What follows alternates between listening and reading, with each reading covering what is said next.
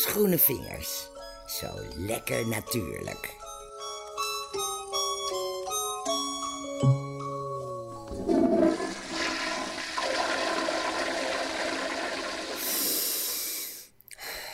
Wat heerlijk zeg.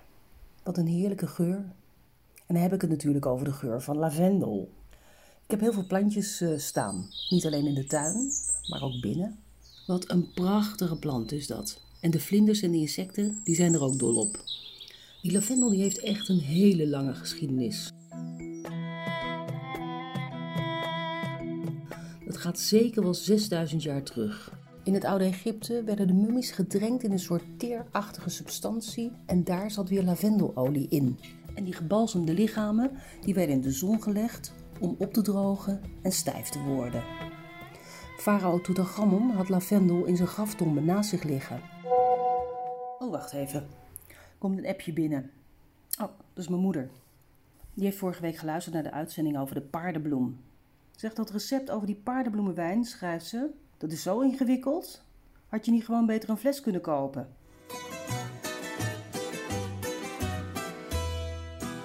De Grieken en Romeinen gebruikten lavendel om er zalfjes van te maken. En ze gebruikten het als badkruid. Maar ja, dat doe ik zelf ook nog steeds. Heerlijk. Die lavendelolie die kan je trouwens ook zelf maken. Je neemt een grote glazen pot en die vul je met lavendelbloemen, geen takjes.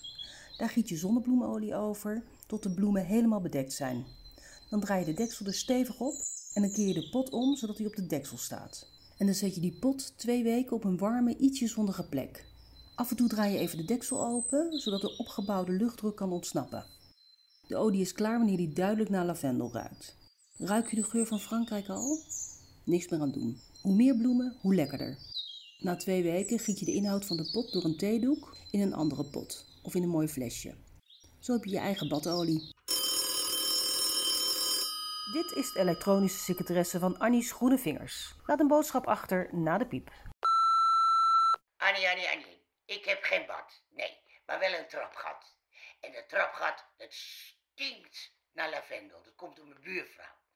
Mijn buurvrouw die spuit zich in met weet ik veel wat. En als zij langs is geweest, dan stinkt het hele trapgat naar lavendel. Het is gewoon een wandelend toiletblok, dat mens. Wat doe ik ermee? In de pot hangen? Weet jij het? Uh, nou, uh, ja, juist, ja. Tijd voor muziek. De lavendel heeft heel veel muzikanten geïnspireerd. Er zijn oude volksliedjes over gemaakt. Ik kwam nog een nummer tegen uit 1947. Lavender blue, dilly dilly, lavender green. If I were king, dilly dilly, I'd need a queen. In 1985 maakte de Engelse groep Marillion er nog een prachtig nummer over: Lavender Blue.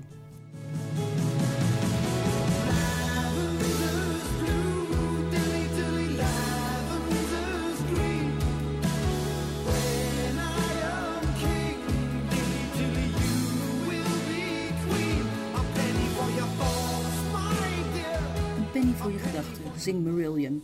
Nou, die gaan op dit moment over het snoeien van lavendel. Dat doe je namelijk twee keer per jaar. De eerste keer in maart of april, zodra de planten beginnen te groeien, dan snoei je ze zo diep mogelijk terug, maar je moet er wel wat blad aan laten zitten, want anders groeit hij niet meer. En na de bloei, dat kan zijn in juli, augustus of september, dan snoei je hem nog een keertje terug. En zo krijg je een lekkere, compacte bos lavendel.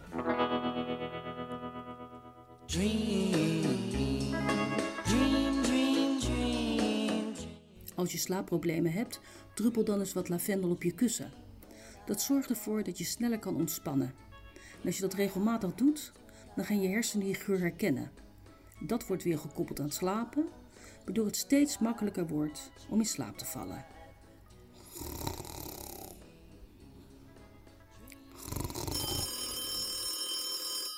Eh, Annie, niet gaan slapen nu. Wakker worden. Ik heb zin in iets, iets lekkers. Oh, nou, sorry hoor. Eh, ja, een recept. Eh, even denken. Mm, oh ja, cake met lavendel. Want je kan lavendel namelijk ook eten. De smaak is fris, een beetje licht zoetig, maar het is ook een beetje bitter. Dus pas op dat je er niet te veel van gebruikt, want het kan zeer overheersend zijn. Oké, dit heb je nodig. 300 gram havermeel, 200 milliliter plantaardige melk, 2 eieren, 100 milliliter ahornsiroop, 50 gram kokosolie en nog iets extra's om in te vetten, 2 theelepels bakpoeder, 2 eetlepels zonnebloempitten, 1 theelepel lavendel en een beetje extra voor de garnering en een paar snufjes zout. Je hebt nodig een oven, een beslagkom en een cakevorm. Je verwarmt de oven tot 200 graden. Je smelt de kokosolie. Daarna doe je alle ingrediënten in de beslagkom en mix het goed door elkaar met een mixer. Je vet de cakevorm in met de kokosolie en je giet de beslag in de vorm. Je bakt de cake in 30 minuten goudbruin gaar. Laat hem even afkoelen en smullen maar.